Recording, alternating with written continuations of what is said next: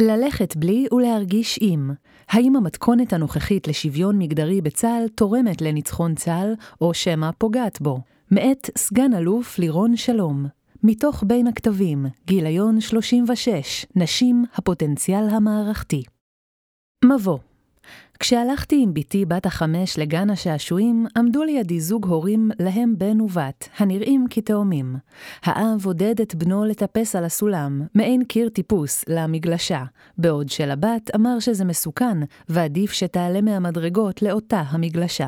בעוד 13 שנים לערך הם התגייסו. לבן ישלחו זימון חובה לגיוס ליחידה קרבית במידה ועומד בקריטריונים, בעוד הבת תצטרך להתנדב לתפקידי לוחמה, למיין ולבחור לאיזו יחידה הייתה רוצה להגיע, וגם תוכל לחתום ויתור בכל שלב אם תחפוץ בכך. לכאורה ניתן לומר שההבדל שתואר בין תהליכי גיוס הלוחמות והלוחמים הינו מצב מוצא נומינלי, המייצר תמונת מצב בצבא שתואמת לנורמות השכיחות בחברה הישראלית ומוכלות בה, ואף משרת את פקודת השירות המשותף. יחד עם זאת עולה השאלה האם זהו מצב המחליש או מחזק את צה"ל בייעודו, במילוי משימותיו ובהשגת מטרותיו. ובכן, מאמר זה ינסה לספק תשובה לשאלה זו, ואף להציע חלופת פעולה. מאמר זה התמקד במגמות הנוכחיות בצה"ל בתחום השוויון המגדרי, המשפיעות, לטענתי, על ניצחון צה"ל במלחמה הבאה ועל עתודת הפיקוד הבכירה בארגון, ואף יביאו להחלשת עוצמתו של צה"ל בטווח הארוך, באם לא יבחר לשנות מדיניות בהקדם. אטען כי על אף הצורך המבצעי הקיים בצה"ל לשילוב לוחמות בשלל התפקידים הפתוחים בפניהן, קיימות שתי בעיות מרכזיות הפוגעות ביכולתו המבצעית. ראשית, מרבית הלוחמות לא נשארות לשירות ארוך טווח, ואיכות ההון האנושי הנדרש לבצע את המשימות נמוך מהפוטנציאל שלו, דבר אשר עלול להביא לפיחות איכותי בשדרת הפיקוד של צה"ל לאורך שנים. שנית, היפוך הפירמידה. צה"ל מאפשר ללוחמות למיין אותו במקום להיות הארגון שימיין אותן. מצב זה מטיל קושי מהותי על צה"ל מבחינה ערכית, כאשר ערך השוויון נפגע אל מול אותם הלוחמים באותם המקצועות, וארגונית, כאשר הצבא מתקשה לתכנן ולבצע תהליכי בניין כוח והשקעת משאבים, דוגמת תהליך בניין כוח לפתרון טכנולוגי להקטנת משקלי אמל"ח, או סביבת לחימה מותאמת. עוצמתו וניצחון צה"ל יושפעו כתוצאה מכך במלחמה הבאה. גיוס חובה, הצורך והתפתחות גיוס הלוחמות בצה"ל עם הקמת צה"ל בשנת 1948, הוחלט לגייס נשים מכוח חוק גיוס חובה, בדומה לגברים, לאור התפיסה שניסה להנחיל בן גוריון של צבא העם, אותה הצדיק משני טעמים מרכזיים. גיוס החובה שירת את צורכי הביטחון של המדינה העברית הצעירה, שנזקקה לכל כוח אדם אפשרי כדי להגן על הבית, ומהטעם של מחויבות הצבא והמדינה לעקרון השוויון. התפיסה שגיוס הנשים נובע מהיותו של צה"ל צבא העם מודגשת עד היום, ועדות לכך ניתן למצוא בסקירה מיוחדת של דובר צה"ל בדבר שירות הנשים בצה"ל מ-2009, המתייחס לחובת הגיוס של נשים. חובת השירות מבטאת בראש ובראשונה את תפיסת צה"ל כצבא העם, הרואה בשוויון בנשיאת נטל הביטחון ובשותפות כלל הרבדים של החברה בו ערך יסוד לבניין זהותו. אולם יותר מכך מבטאת שותפות הנשים בנשיאה בנטל הביטחון את ההכרח למצות את המשאב האנושי, על בסיס ההבנה שבמיצוי איכות המשאב האנושי טמונה עוצמתו של צה"ל, הנדרשת נוכח האיומים הנשקפים עדיין לביטחון ישראל. לבן גוריון לא הייתה דילמה, והוא היה סבור כי על המדינה לתבוע מנשותיה למלא חובות כמו הגברים, ולהעניק להן שוויון זכויות. בהטילנו חובת השירות הצבאי על האישה, העלינו את האישה לשיא השוויון המוסרי בישראל.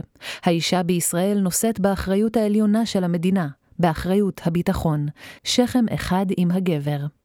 חרף זאת, על אף עמדתו הנחרצת של בן גוריון, בתחילת הדרך הותר לנשים לשרת בצה"ל בעיקר בתפקידי פקידות, אחיות ומורות, תפקידים שבאופן מסורתי, כמו גם עד היום, נתפסו כתפקידים נשיים.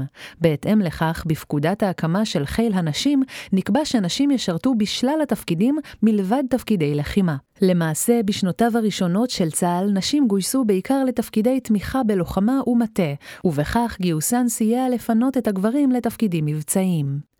עד אמצע שנות ה-70 היו 44% ממקצועות השירות בצה"ל סגורים בפני נשים. לאחר מלחמת יום כיפור ועד לשנות ה-90 התקיים בניין כוח עצים, במסגרתו נדרשו יותר גברים בתפקידי לחימה, ועל מנת לתת מענה לפערי האיוש, נפתחו תפקידים מקצועיים נוספים עבור נשים, דוגמת נהגות, טכנאיות, קשריות, מדריכות ועוד. בתקופה זו הוטבע המושג נשים חליף גברים. בשנות ה-80 בוצעו מהלכים מרחיקי לכת בכל הנוגע לשירות נשים, דוגמת הסרת המגבלות הקיימות עד אז על נוכחות נשים בשטחי לחימה ומעבר לגבול, והסרת סעיף מחוק שירות הביטחון המונה את התפקידים והמקצועות הסגורים בפני נשים. המפנה החל רק באמצע שנות ה-90, לאור בג"ץ אליס מילר, שם החל השירות הצבאי להיתפס כעניין של שוויון זכויות, והצורך למימוש שוויון הזדמנויות מהותי. תפקיד הלחימה הראשון שנפתח לנשים היה טיס, ואחריו נפתחו בהדרגה 14 תפקידים שונים, חובלות, לוחמות מג"ב, נ"מ, היום הגנה אווירית, קרקל, תותחנים ועוד. לסיכום, אם בשנות ה-80 היו פתוחים לנשים רק 55% מהתפקידים בצה"ל, כיום 86% מהתפקידים בצה"ל פתוחים בפני נשים, ומעת לעת עולה שיח באשר ל-14% הנותרים. משנות האלפיים ועד היום חלו שינויים בתפיסת הביטחון האסטרטגית של ישראל, כפי שמנתחים תת-אלוף אמיר אבשטיין ורב סרן מידד אבידר במאמרם צבא ההגנה בין זהות לאתוס. צה"ל יצא מלבנון, עזה ושטחי A, ובשנים אלו גברה החשיבות אותה המדינה מעניקה להגנה.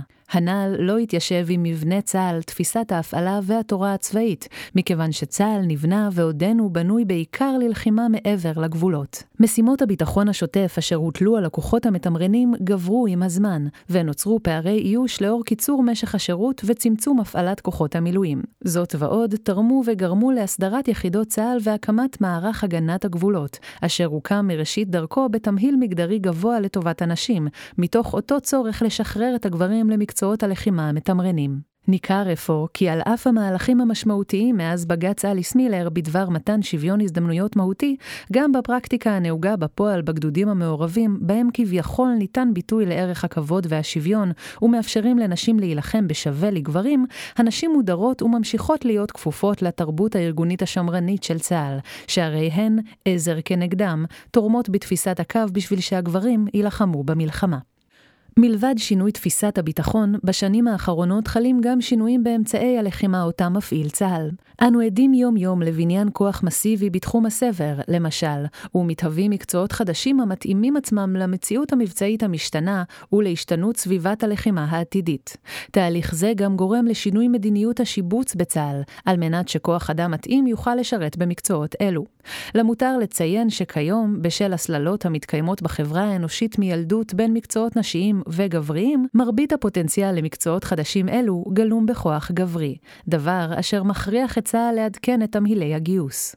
דוגמה לכך ניתן לראות במערך ההגנה האווירית, אותו אקח כמקרה בוחן בהמשך, בו בשנת 2012 תמהיל הגיוס היה 88% לוחמים אל מול 12% לוחמות, לעומת שנת 2022, בה תמהיל הגיוס עומד על 45% לוחמים ו-55% לוחמות, והיד עוד odnetuje. בשנת 2005 שירתו רק 435 נשים כלוחמות בצה"ל, ואילו ב-2020 יש כבר יותר מ-3,000. חרף זאת, הגידול הנ"ל לא חי בהלימה אל מול הקצונה הבכירה, כאשר סיכום נתוני 2020 של היוהל"ם הציגו כי אחוז הנשים, ללא הבחנה בין לוחמות ותומכות לחימה, בקבע עמד על 29% בדרגת הרב סרן, 18% סגן אלוף, 9% אלוף משנה, 4% תת-אלוף, ואף לא אלופה אחת. כמו כן, כלל הקצינות הבכירות המשרתות היום בצה"ל בדרגת אלוף משנה ומעלה אינן מגיעות מהמערך הלוחם. במערך ההגנה האווירית, לדוגמה, נכון לשנת 2021, תמהיל הגיוס נשמר לאורך השירות עד לשלב החתימה השנייה. במעבר לדרגת הסרן, אחוז הקצינות ביחס לקצינים הינו 17 לעומת היציאה לקצונה, אז התמהיל עומד על כמעט 50-50. במדרג הקצונה הבכירה, ועל אף העובדה ששילוב הלוחמות נוכח במערך כבר 24 שנים, מאז 1998, ישנן רק שלוש סא"ליות לוחמות המאיישות תפקידים במערך. כולן קודמו בשנתיים האחרונות. דוח ועדת שגב בספטמבר 2007 פורסם דוח הוועדה לעיצוב שירות הנשים בצה"ל בראיית העשור הבא, שמינה ראש אכ"א דאז האלוף אלעזר שטרן. ועדה זו, בראשות האלוף יהודה שגב, ראש אכ"א לשעבר, התבקשה לעמוד על הפערים בין שירות הנשים לשירות הגברים, ולגבש הצעות אופרטיביות לשילוב נשים בצבא ולמיצוי יכולתן. הוועדה הציגה שישה פערים מהותיים בשירות בצה"ל. השירות הקצר של נשים, שיעור המתגייסות הנמוך, תהליכי מיון ושיבוץ נפרדים, מיצוי נמוך של כוח האדם הנשי, סגירת תפקידים בפני נשים ומיעוט קצינות בדרגים בכירים. עיקרי המלצות ועדת שגב א', שינוי הדרגתי שיוביל להשוואת משך השירות של נשים וגברים. ב', איחוד מערך המיון וקביעת קריטריונים שאינם מגדריים לשיבוץ בתפקיד. ג', עיגון שישה מבחנים לקביעת אופיו ומהותו של תפקיד, המאפשרים סגירת תפקידים בפני נשים, וכן הפעלת מנגנון חיצוני לצבא שיאשר סגירת תפקידים. ד', הצבת יעדים ומכסות לקידום קצינות לדרגים בכירים. ה', שינוי החוק המאפשר קבלת פטור למתגייסות עקב הצהרת דת. למעשה, הוועדה הציעה מודל אלטרנטיבי, ובמרכזו העיקרון של שירות לפי עניין וצורך מבצעי, ולא לפי מגדר. המשרתים יוצבו במקום הנכון על פי שיקולים ענייניים של יכולות בלבד. בדרך זו גם יחוזק מודל צבא העם, תתחזק תחושת ערך השירות, והנ"ל יובילו להתייעלות כלכלית בטווח הארוך, שכן יותאמו המשאבים בדיוק עבור כל תפקיד ותפקיד. רוב המלצותיה של ועדת שגב לא יושמו, בין היתר בשל לחץ של גורמים דתיים שהתנגדו להן. כפי שמתואר בכתבתו של עמוס הראל, צה"ל קבר המלצות לשוויון בין המינים, וכן בכתבתה של לילך שובל, קרביות או לא להיות. תהליך המיון וגיוס הלוחמות תהליך גיוס מועמדת לשירות ביטחון, להלן מלש"בית, לתפקיד לחימה, מורכב ממספר שלבים על פי יחידת מיטב, המופקדת על המיון והשיבוץ של כלל המועמדים לשירות. ראשית, ובאופן דומה לגברים, כל אחת תגיע לצו ראשון, אך בשונה מהגברים, הלוחמות נדרשות ביום המאה, מיון, איתור והתאמה.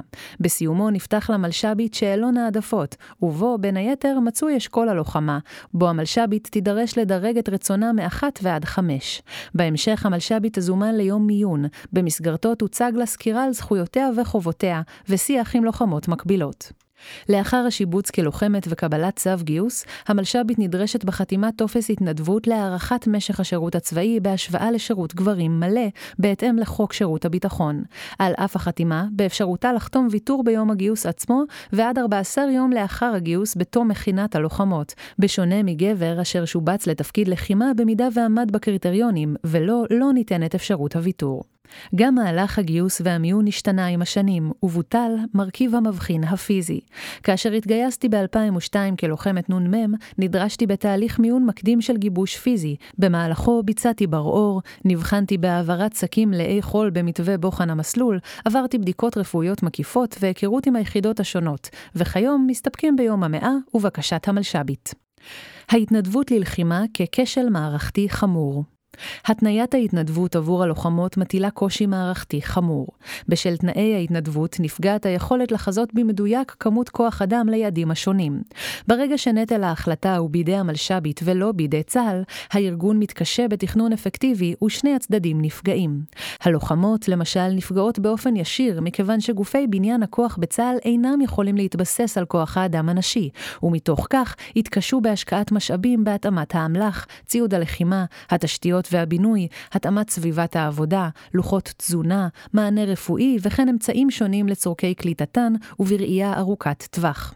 יש לכך השפעה מכרעת על בריאות וכשירות הלוחמות לביצוע משימותיהן, על אתגרי הפיקוד וכבוד האדם, ואף השפעה על מוטיבציית הלוחמות, מכיוון שאף אחד ואף אחת לא רוצה להיות במקום בו ירגיש או תרגיש שהוא או היא נטל, ועל כן מאפיינים אלו עלולים להשליך ישירות על מוטיבציית הנשים לשירות. מנגד, צה"ל משקיע משאבים רבים בעידוד גיוס הלוחמות והשארתן אל מול היעדים, הנקבעים כיעדים מבצעיים, ולמול הצורך בלוחמים או לוחמות ביחידות המיועדות, משאבים שפעמים רבות מושקעים לריק, כאשר המילה האחרונה היא בידי הלוחמת המתנדבת.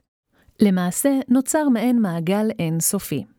לוחמת מתנדבת, צה"ל לא משקיע משאבים מתאימים בראייה ארוכת טווח, ירידה במוטיבציה ללוחמות, לוחמת חותמת ויתור, פער בהגעה ליעדי הלחימה, השקעת משאבים בעידוד ושכנוע לגיוס משמעותי, ושוב לוחמת מתנדבת. כל עוד המגמה היא להגדיל את גיוס הנשים למקצועות הליבה בעקבות צורכי המערכת, טוב היה אם המערכת הייתה משווה ככל הניתן בין תנאי השירות של הגברים לתנאי הנשים, לטובת מקסום מיצוי ההון האנושי תחתיה, כלומר השוואת תנאי השירות בהתאם לתפקיד ולא בהתאם למגדר, ובמיוחד מאמצת את מסקנות ועדת שגב כדלקמן. במערך ההגנה האווירית, לדוגמה, השיבוץ החזוי לאוגוסט 2022, אשר התקבל בחודש אפריל האחרון מיחידת מיטב, הינו 103 אחוזי איוש לוחמות אל מול כמות היעד הנדרשת. בתחילת חודש מאי 22, 15 אחוזים מתוכן כבר הגישו בקשת ויתור המתקבלת באופן אוטומטי. כלומר, כבר שלושה חודשים לפני מועד הגיוס, יעד המצבה להגנה אווירית עומד על 89 אחוזי איוש למול המכינה. במצב זה נשלחת לחיל רשימה שמית של לוחמות אשר תיעדפו יעדים אחרים ואף מיועדות אליהם, במטרה שהמערך ינסה לשכנע אותן לשנות שיבוץ ולהתגייס להגנה אווירית. מצב זה מטיל קושי בשני אופנים מרכזיים. האחד, בהיעדר כמות איוש מספקת, אין מקום לבחינת התאמת הנתונים, וכך יכולות להגיע לוחמות גם מתחת לסף הנדרש בכדי להצליח את ההכשרה המורכבת. השני, המערך לא יכול להתאים מבעוד מועד את התשתית באופן מדויק על מנת שכולם יקבלו מענה שווה, לדוגמה כמות חיילים בחדר, או מענה מכלולים רטובים מספק, כמות מקלחות ושירותים. שני מרכיבים אלו משפיעים ישירות על המשך השירות עצמו, ובין היתר עלולים להשפיע אף על שימור עתודת הפיקוד הרלוונטית. מדוע ערך השוויון קריטי לצה"ל?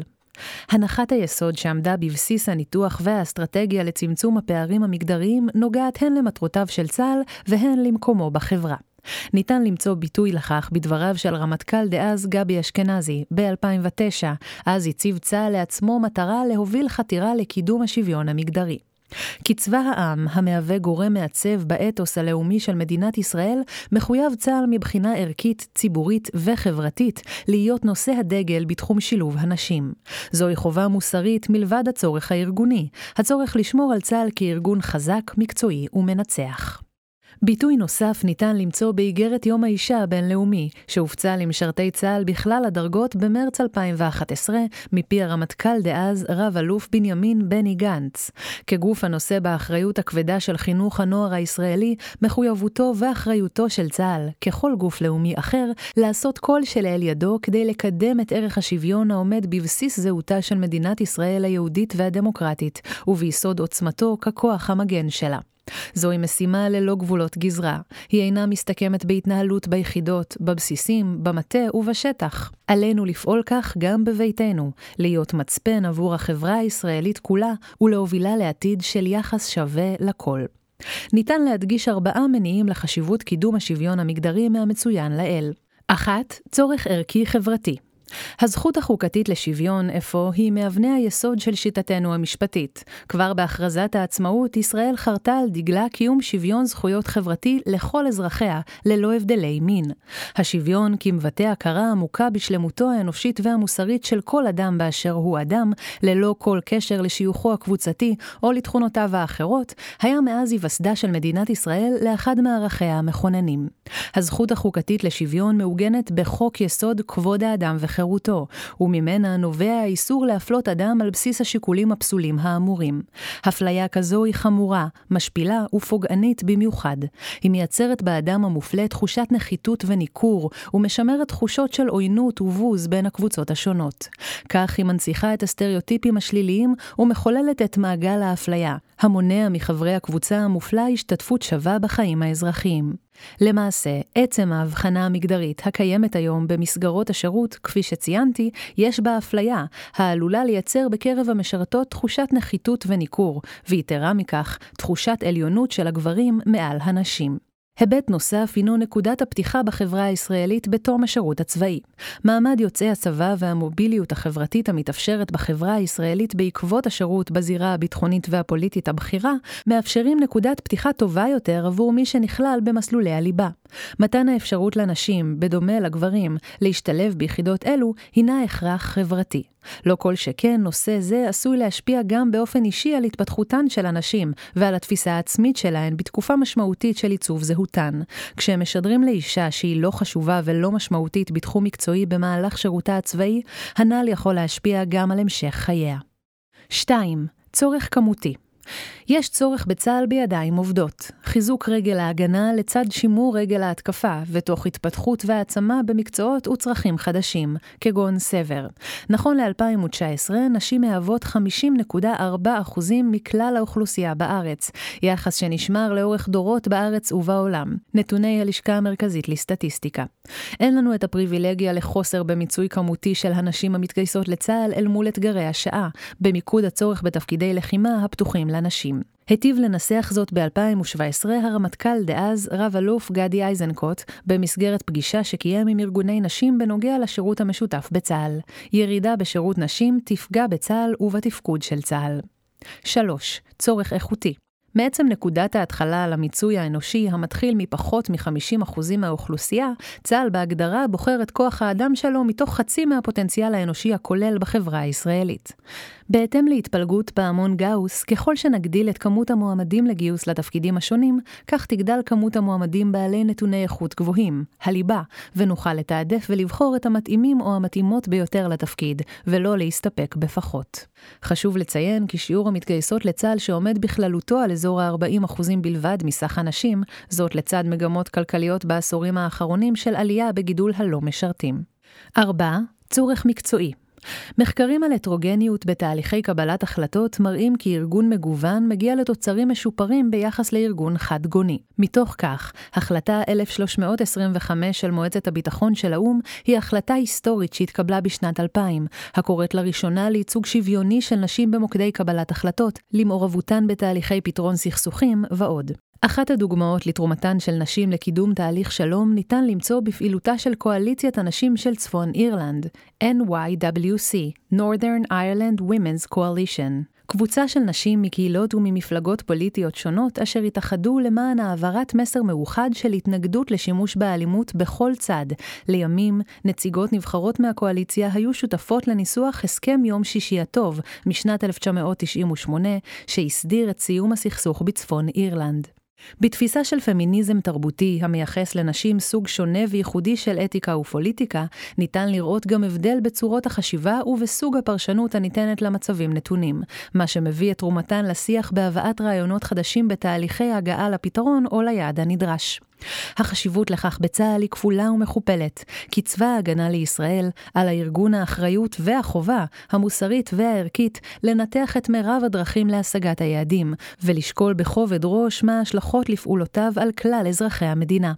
מתוך כך נובע כי ישנו ערך מבצעי ראשון במעלה בשילוב מלא והטרוגני של אוכלוסיות מגוונות ככל שניתן, לקבלת החלטות מושכלות ואפקטיביות יותר בדרך להשגת היעדים ולמען ביטחונה של המדינה וניצחונו של צה"ל. לעניין פיתוח הקצונה הבכירה, בהמשך למאמרו של אלוף משנה ג' שפורסם בגיליון זה, העוסק במחסור בייצוג נשי בפיקוד הבכיר של צה"ל, הוא מונה באופן מפורט כיצד ביחידתו, בה יש רוב נשי מוחלט בשער הכניסה, 64 בשדרת הפיקוד הייצוג הנשי צולל לכדי 25 בלבד. היסטורית ועולמית, הארגון הצבאי הינו ארגון גברי במהותו. מבחינה זו, לא מפתיע שישנו קושי ממשי לבצע תפקידים בכירים בצה"ל לצד הנשיאה במרב הנטל נטל האחריות למשפחה, וכיום רוב הנשים עדיין נושאות בעיקר נטל זה.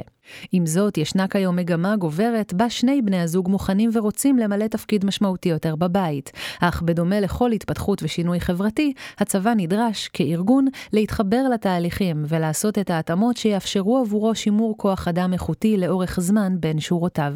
בחינה מדוקדקת של התרבות הארגונית למול שינויים נוספים שהתרחשו בעולם, דוגמת עליית קרנה של העבודה מרחוק, התפתחות האמצעים הטכנולוגיים, התעצמות הצבא והשתנות האתגרים ודרכי הלחימה, כמו גם בחינת המשתנים המשפיעים במיוחד על מסלול השירות וקידום הנשים, יוכלו לאפשר ארגון מחדש, ככל שהדבר אפשרי, של השילוב בין חיי המשפחה לשירות בצה"ל. הנ"ל ישרת באופן מהותי את שני המגדרים בדורנו ללא הבחנה, וזו שיטת הפעולה הרצויה. לא להגדיר הקלות הקלות על נשים, כי אם להגדיר מדיניות גורפת, המביאה את הארגון לאפקטיביות מקסימלית ומצוינות ההון האנושי. כך נבטיח שוויון מהותי, נצמצם את הפער בין המגדרים ונתרום לניצחונו של צה"ל. מקרה בוחן, מערך ההגנה האווירית. יש כאן עניין שאני חוזר עליו בתוך הצבא. אני לא חברת כוח אדם ולא חברה לשוויון חברתי. לי יש צורך מבצעי, וביום פקודה המערכים של צה"ל צריכים להיות כשירים גם פיזיולוגית. אני מצטער שאני מאכזב. יש מקומות שאני צריך נשים, וזה לא יחידות קרביות. אני לא מתנהל על פי אג'נדה, אלא מה יביא לניצחון לישראל וצה"ל. האלוף מוטי אלמוז, לעיתון 7, בעת ששימש כראש אכ"א, 2017 עד 2021. מערך ההגנה האווירית הינו מערך אסטרטגי אשר כפוף לחיל האוויר ואחראי על הגנת המרחב האווירי של המדינה לצד כלי הטיס של החיל. מערך הנ"מ שהחל את דרכו בחיל התותחנים, התפתח, התעצם והתעצב לכדי מערך ההגנה האווירית המורכב ממערכות נשק טכנולוגיות מתקדמות המשלבות בין יכולת ניידות גבוהה, פריסה ולחימה קרקעית בסביבה קרבית, לבין ניהול מערכות טכנולוגיות מורכבות הדורשות יכולות קוגניטיביות גבוהות. למרות ההתעצמות וההתפתחות בצרכים הקוגניטיביים הנדרשים לתפעול המערך, תנאי הקבלה למערך ותהליכי המיון לא השתנו במהלך השנים. תהליך המיון והאיתור מערך ההגנה האווירית, או בשמו דאז מערך הנ"מ, החל לקלוט לוחמות לשורותיו באוגוסט 1998 כחלק ממהפכת בג"ץ אליס מילר, להוציא פיילוט שבוצע בסוף שנות ה-80 שלא צלח. מתוך כך מערך ההגנה האווירית מהווה מצפן ודוגמה למערך שיכול לאפשר שוויון מגדרי מלא כבר משך שנים רבות. ההכשרה הבסיסית מונה הכשרת רובעי 03. אין צורך בסחיבת ציוד כבד או מאמץ פיזיולוגי חריג.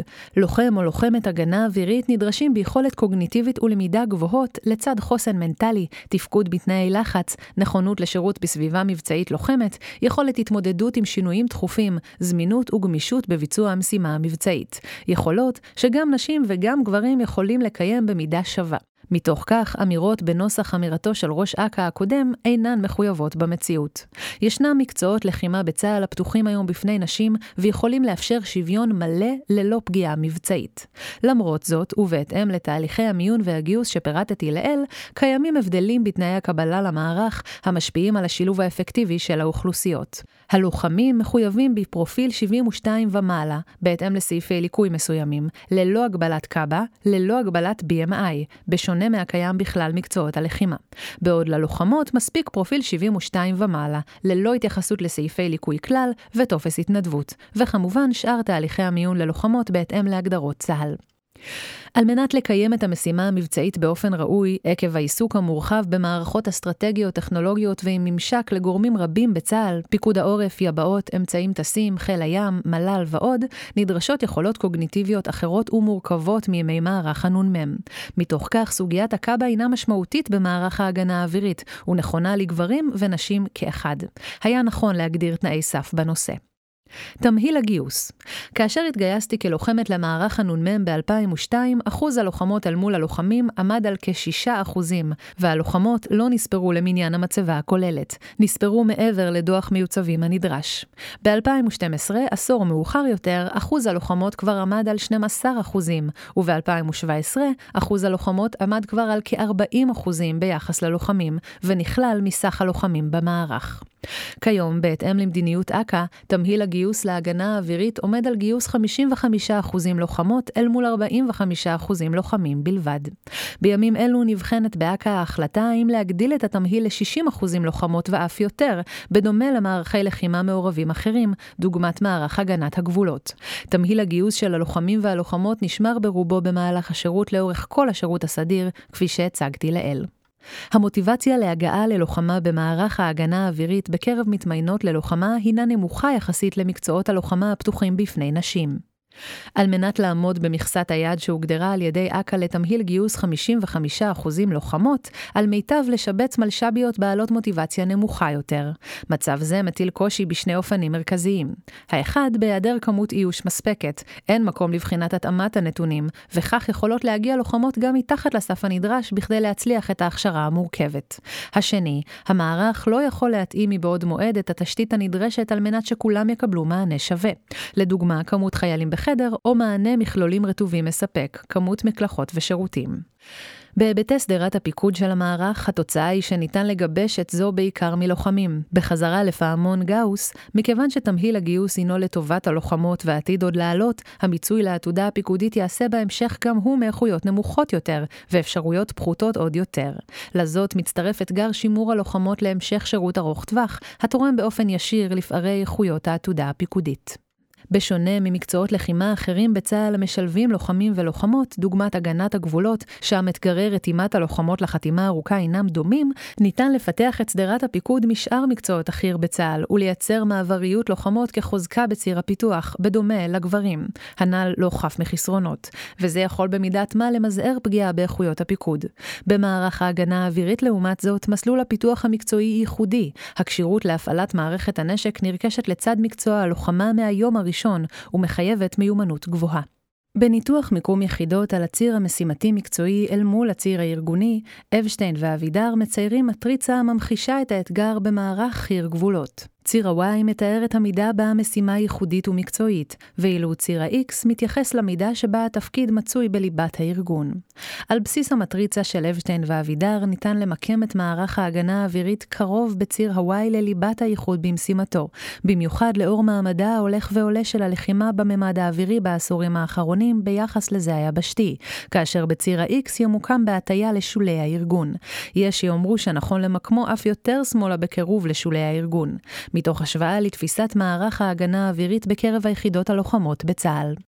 ניתוח מסוג זה משקף נתון המטיל קושי רב בהבאת לוחמות למערך, שנתפס כפחות לוחמני או ליבתי אל מול יתר מקצועות הלחימה הפתוחים בפני נשים, כמו גם השארתן לטווח ארוך. חשוב להבין כי מתוך הבנת המשימה הייחודית ללא טיפול הולם כבר אתמול, במרוצת הזמן נהיה עדים לפער במתן מענה מתאים. תמהיל המשך השירות ואתגר שימור הלוחמות. בדומה לחילות אחרים, גם בהגנה האווירית המהפך מתחיל לקרות בשלב הקצונה. עת מתחילה להיווצר מגמה הפוכה לטובת הגברים, במעבר מחתימה שנייה לשלישית וחתימה ארוכת טווח, יוותרו הלוחמות כבר הרחק מאחור. כבר בסקר הארגוני בחיל האוויר ניתן לזהות הבדלים משמעותיים בהבעת הנכונות להמשך שירות באופן עקבי בין הקצינות הלוחמות לקצינים הלוחמים לאורך השירות, ובפער המתמשך בין 2015 ל-2019. לאור האמור לעיל, מפקד מערך ההגנה האווירית הבין שבהיעדר מענה ייעודי לשימור ההון האנושי האיכותי במערך, ללא הבחנה מגדרית, תהיה השפעה גם על האפקטיביות המבצעית.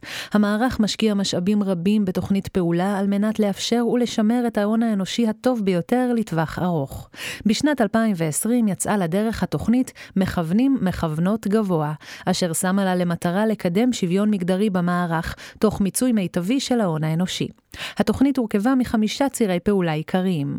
עתודת מפקדות מכוונות גבוה, שמיקודה בקצינות לוחמות בליבה הפיקודית כשנה לפני סיום החתימה הראשונה שלהן. הקצינות הצטרפו לתוכנית שנתית להעצמה, התבוננות אישית, מנטורינג וערכים. השנה כבר הושק המחזור השני.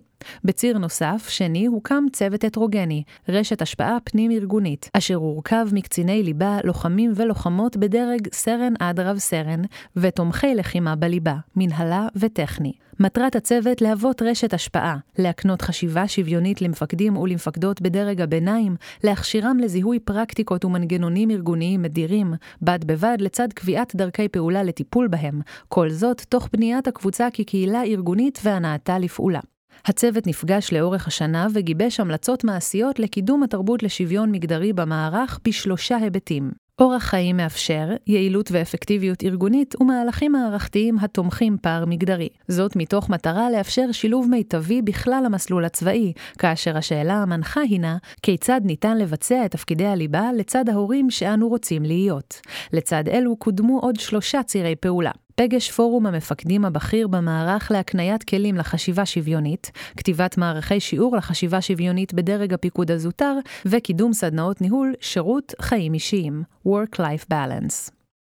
תובנות טענתי המרכזית במאמר הייתה כי האופן בו צה"ל משלב נשים כלוחמות במערכים השונים במיקוד מערך ההגנה האווירית, פוגע בו מבצעית בהשגת מטרותיו. למעשה, שילוב הלוחמות בצה"ל במתכונתו הנוכחית הוא כמושג ללכת בלי ולהרגיש עם.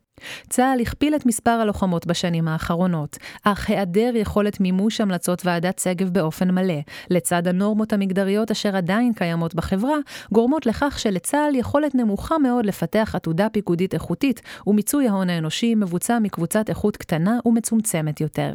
אין עוררין כי מצב זה גורם לפגיעה מבצעית ומקצועית ביכולות צה"ל. היאחזות במרכיב ההתנדבות בתנאי הגיוס של הלוחמות, לצד חלוקת יעדי הגיוס בתמהיל שלעיתים נוטה לטובת הכשרת הלוחמות כצורך מבצעי, מייצרת מצב בו הלוחמות הן אלו שממיינות את צה"ל, במקום שהוא ימיין אותן. בשל כך האתגר לפיתוח עתודת פיקוד מצוינת ולא טובה למדי, הוא עצום, ומיצוי משאבי בניין הכוח באופן יעיל בראייה ארוכת טווח נפגע. המסקנה המתבקשת לאור האמור הינה לאמץ במיידית את מסקנות ועדת שגב, אך מאחר ומוועדת שגב עברו 15 שנים וניכר שאין כוונה או בשלות בצה"ל לאמץ וליישם מסקנות אלו באופן מעשי ומלא, על צה"ל לנקוט במהלכים אחרים אשר יבטיחו את כושרו המבצעי והעמידה במשימה. המשך הגדלת תמהיל הלוחמות במקצועות השונים לא יביא לכך, כי אם לפעולה הפוכה.